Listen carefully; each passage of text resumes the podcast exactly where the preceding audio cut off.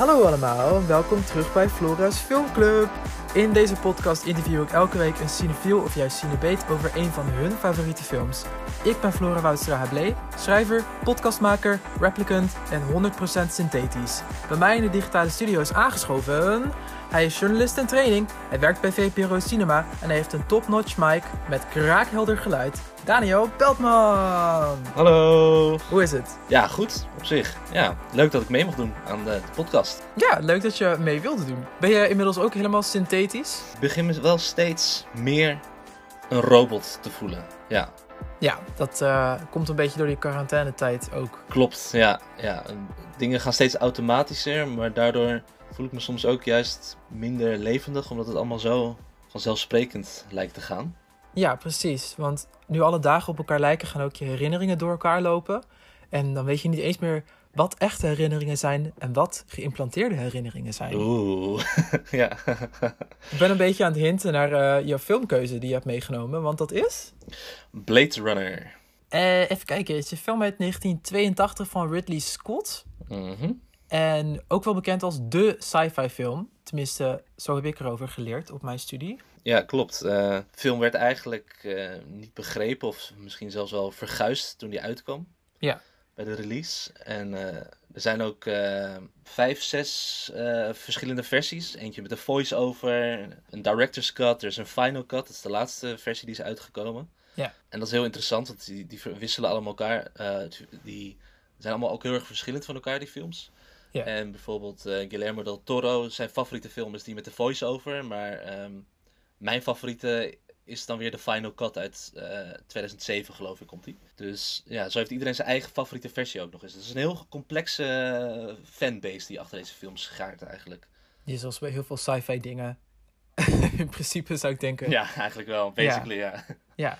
Ik wist helemaal niet dat er meerdere versies waren. Ik heb ook echt geen idee welke versie ik heb gezien. Maar voor de mensen die de film nog nooit hebben gezien, dat zijn er waarschijnlijk wel een paar. Kun je het plot van eh, Blade Runner aan ons vertellen?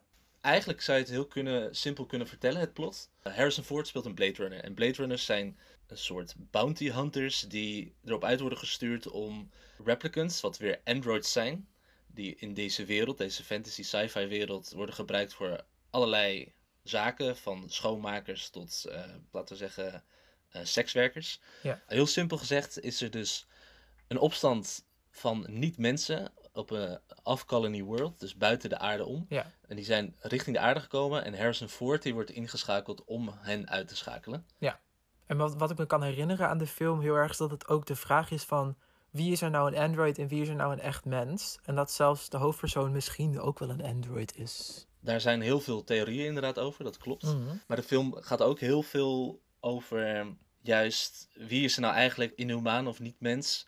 Zeg maar, die, die scheidslijn die, die is heel dun of is er bijna niet. Of eigenlijk, soms voel je meer mee met, met de replicants die een soort van op ontdekkingstocht zijn. Een, een soort ontplooiing van hun eigen zijn en wezen. Ja.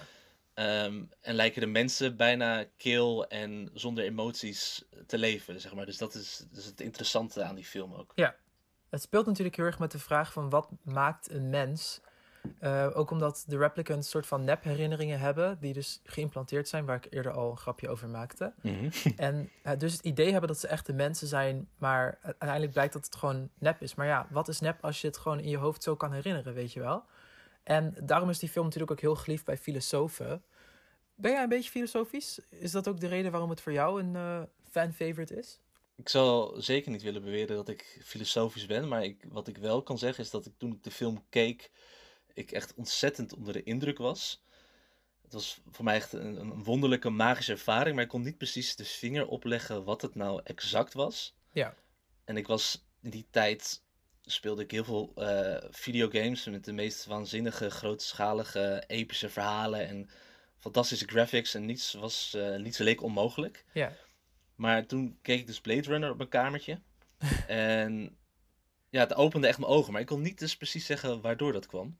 Daar is bij mij eigenlijk begonnen dat ik op internet, op, toen nog op IMDb, kon je nog op de fora terecht. En dan kon je daar lezen wat mensen van de film vonden. En wat bepaalde meningen of theorieën achter de film waren. En toen heb ik me daar helemaal ingelezen. En toen, nou ik zou niet zeggen dat ik toen wel filosofisch was. Maar toen dacht ik wel van wauw, dit, dit- film kan nog zoveel meer betekenen dan alleen vette actiescènes en oorlog en bloed en spektakel. Ja, het is een denk ik een beetje vergelijkbaar met de Matrix in de zin dat het een wel een actiefilm is met heel veel entertainment value, maar dat je er ook heel veel diepe dingen uit kan halen. Zeker, absoluut. En ik moet zeggen dat ik dat nu nog steeds doe. Ik, ik kijk de film nog regelmatig. Ik heb hem laatst ook weer herbekeken. Mhm. Bijvoorbeeld als hij uh, in AI te zien is op, in i1, dan vind ik dat ik daarheen moet gaan. Ja. En ik blijf ook steeds weer nieuwe kleine details ontdekken die des te meer bevestigen hoe tof ik deze film eigenlijk vind. Nice. Dus het is voor jou wel een film die echt de tand destijds heeft doorstaan. Ja, zeker. Maar eh, ik heb ook wel dingen die ik wat problematischer vind. Zo heb je natuurlijk. Nou goed, ik kan er niet, misschien niet al te veel over verklappen, maar er zit een bepaalde scène in de film die nu wel als problematisch gezien kan worden. eh, waarin eh Harrison Ford min of meer de replicant waarmee die, waar hij geïnteresseerd in raakt, forceert tot het bedrijven van de liefde. Oh, ja, ja, ja. Dat vind ik altijd een beetje een ongemakkelijke scène om naar te kijken. Ja. Die heeft de tand destijds niet heel goed doorstaan, vind ik. Ja, Maar op andere vlakken eh, nog steeds heel relevant en gewoon een grondlegger voor zoveel andere films. Denk al alleen aan Akura, Ghost in the Shell. ja precies. Zo'n heel genre wat is eh, voortgekomen uit deze ene film. Exact, ja. Dat hele cyberpunk eigenlijk is, eh, Ja. Is hieruit ontstaan. Een heel nieuw science fiction genre. Terwijl, terwijl ik als, als filmwetenschapper, als ik kijk naar Blade Runner, denk ik van, dit is gewoon neo-noir uit de jaren 40, maar dan met een soort sci-fi decor. Weet je wel? Mhm. Met die hoeden en de regen en het achtervolgen in Ja. de regen en zo. En ik denk, oh, dit is echt classic Hollywood. Maar het doet iets heel nieuws, doordat het het transplanteert naar een compleet andere setting. En met compleet andere thema's ook. In ieder geval, dat is dan mijn Ja. analyse ervan. Ja, sowieso eh, een noir of neo-noir, hoe je dat dan nu in dit geval wil noemen, vind ik sowieso eh, wel een genre. Dat spreekt me heel erg aan. Ja. Weet je, dat langzame, Ja, grauwe, rauwe, wat je ook in Seven ziet en in The Matrix en misschien ook wel Minority Report, denk ik ook. Minority Report is natuurlijk ook een film gebaseerd op een boek van Philip K. Dick. eh, net zoals Blade Runner. Ja, Dus het is wel grappig dat je die ook als voorbeeld noemt. zeker. Ja, en Ja. dat is ook een film die ik. Die heb ik denk ik zelfs nog eerder gezien dan Blade Runner. En die kon ik daarna misschien weer meer waarderen doordat ik Blade Runner had gezien. Ja. Ik ben wel echt, echt een fanboy. Hoe oud was je toen, je toen je Blade Runner had gezien? Ik denk een jaar of acht, dat ik een jaar of 18 was toen ik Blade Runner voor het eerst zag. En ik werkte toen in een platen speciaalzaak van Leest in Laren. En daarvoor kochten we ook dvd's naast cd's. Ah. En als ik niet gamede, dan was ik wel die dvd's aan het kijken. Ik heb toen heel veel film gekeken. Dus je was volledig legaal gewoon dvd's aan het kijken. Ja, Wow. en Oké. dvd's is een schijfje waar een film op staat. Oh, Die kun je dan nee. afspelen op een beeldscherm. Ik vind het altijd... ehm, sorry, in die tijd... ehm, ik had, toen ik 18 was, had ik ook een soort van filmverslaving fase. Dat ik heel veel films ging kijken. Maar ik zat in Friesland en ik had geen videotheek in de buurt of zo. Dus ik ging gewoon alles downloaden. Ja. Dus ik vind het altijd leuk om te horen dat mensen gewoon legaal dvd'tjes... ja. En je moet je voorstellen, ik verdiende, ja, wat zou ik hebben verdiend? Eh 3,25 euro of zo toen de tijd in de detailhandel. Oh ja. En ik gaf Wow. bijna al die centjes weer uit aan nieuwe films. Cute. Of het kopen van klassiekers waarvan ik dacht dat ik ze moest zien.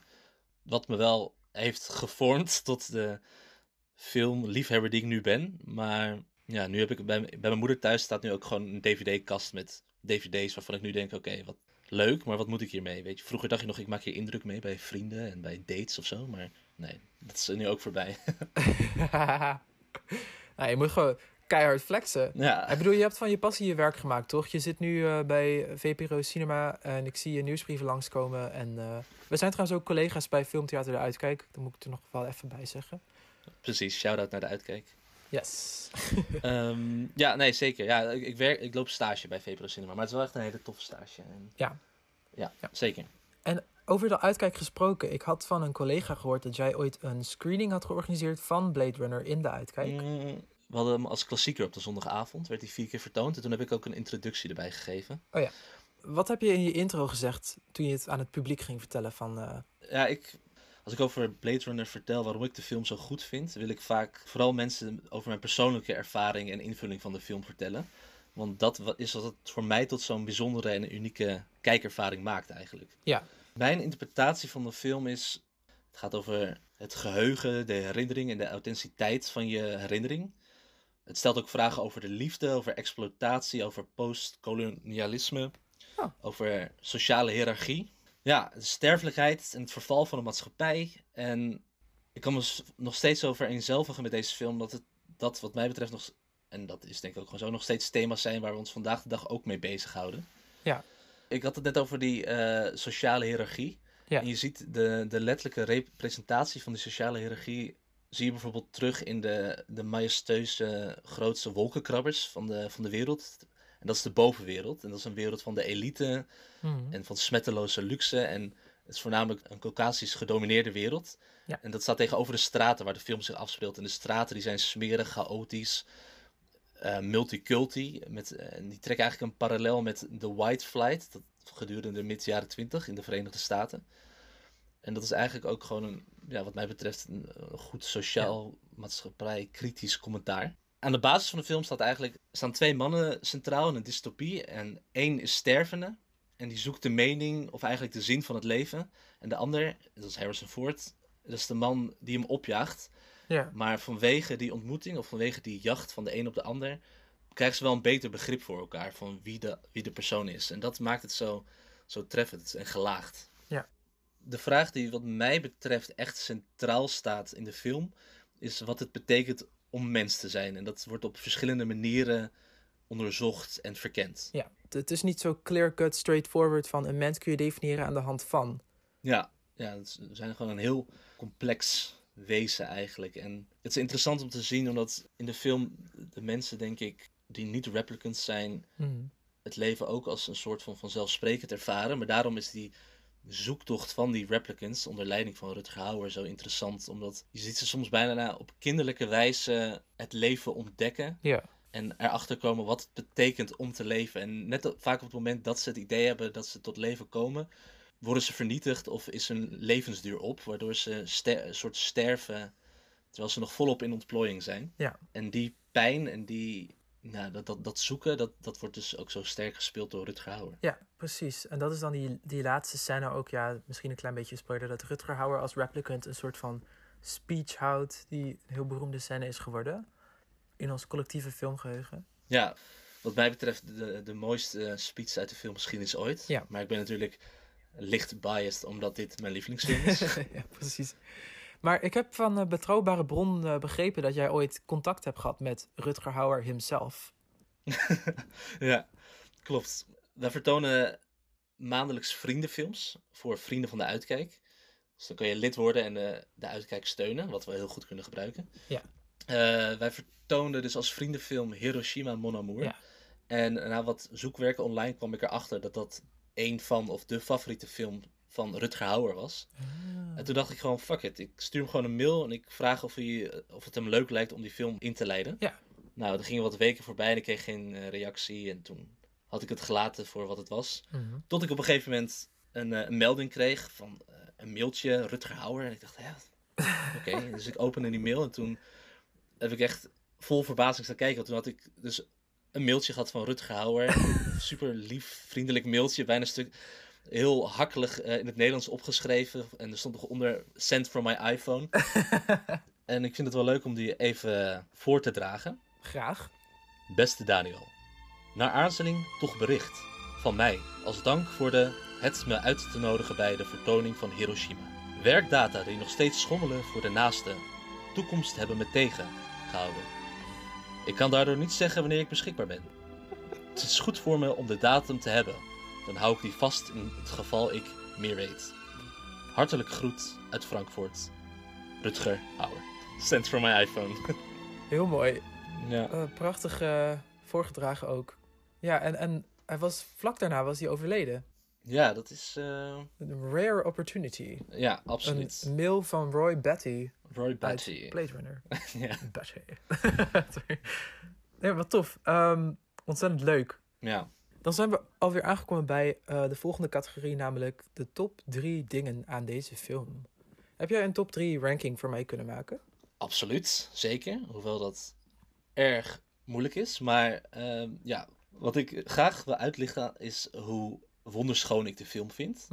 Je kijkt naar een wereld die zich voor je ogen volstrekt en geloofwaardig is en leeft. En dat, zeg maar, is echt belachelijk knap, omdat er toen natuurlijk nog niet zo werd gewerkt met CGI zoals we dat nu kennen. Dat hele werelden uit de computer worden getrokken. Nee, het is echt allemaal op set geschoten. En het is een extreem ellendig proces geweest. Het is ook een hele toffe documentaire over gemaakt. Oh. Die heet Dangerous Days. Die, moet, die zou ik echt aanraden. Die moet je echt kijken als je Blade Runner een toffe film vindt. Die geeft nog meer inzicht in hoe de film tot stand is gekomen. Ja. Waardoor je nog meer de film waardeert. Dat die wereld zo geloofwaardig is, is mede te danken aan de productie, production designer Lawrence G. Paul. Die is recentelijk in november van vorig jaar overleden. Oké. Dankzij hem is die wereld zo geloofwaardig geworden en zoveel met, met liefde opgebouwd. En dat zie je echt terug in de film. Dus dat wil ik heel erg benadrukken. Dan wil ik graag de muziek uitlichten van Vangelis. Of ik weet nooit of je het zo uitspreekt of niet. Ik zou het ook niet weten, ja. Vangelis. Vangelis. De muziek van Vangelis. Vangelis. Vangelis. Nou, in ieder geval echt ontzettende meeslepende, melancholische soundtrack. Waar we het eerder over hadden. Die eh, badend in eh, sfeer van film noir. Mhm. Soms bijna een tikkeltje tegen het foute aan. Met eh, een schellende saxofoon op de achtergrond. Ja. Beetje bijna, bijna softporn, maar het is, het is te mooi om het zo te benoemen. Ja. maar ik kan me voorstellen dat je er een beetje aan moet denken. En die zet ook zo erg de toon en sfeer van die film neer. Dat is echt extreem belangrijk. Ik luister die eh, soundtrack best vaak gewoon nog als ik op de fiets zit, of als ik aan het reizen ben, of voor school bezig ben, of voor werk. En als derde wil ik de rol van eh, Rutger Hauer uitlichten, omdat die gewoon, die is wel echt, echt fantastisch. Ja. En helemaal dat monoloog dat hij tegen het einde van de film houdt, zonder daar al te veel over te verklappen. Ja, dat is zo bijzonder, omdat het is dus, die monoloog heeft hij geïmproviseerd. Really? Er was een bepaalde tekst voor hem geschreven, en die had hij geoefend. Hij trok zich even terug in zijn trailer en dacht van, ja, dit, dit moet of kan beter, het klopt nog niet. Toen heeft hij een tekst geschreven en dat eh, gaf je aan bij Ridley Scott van, ik heb een tekst geschreven die beter is dan de tekst die ik eigenlijk moet spreken. En die heeft hij uitgevoerd en ja, kippenvel gewoon. Echt prachtig. Tranen in mijn ogen elke keer als ik het kijk. En toen we de film ook bij de uitkijk eh, vier keer hebben vertoond, ben ik in elk geval, elk moment dat, die, dat dat moment eraan kwam, ben ik even naar boven gerend om een stukje mee te kijken. Omdat ik het gewoon, ja, ik kan het niet over mijn hart verdragen om dat niet mee te kijken als ik weet dat het wordt afgespeeld. Ja. Goh, ik, had, ik wist dat helemaal niet, dat, dat hij dat geïmproviseerd had. Het, er is een heel tof filmpje van, eh, van het, ehm, het Instagram-account Screenplate heet het geloof ik. Mhm.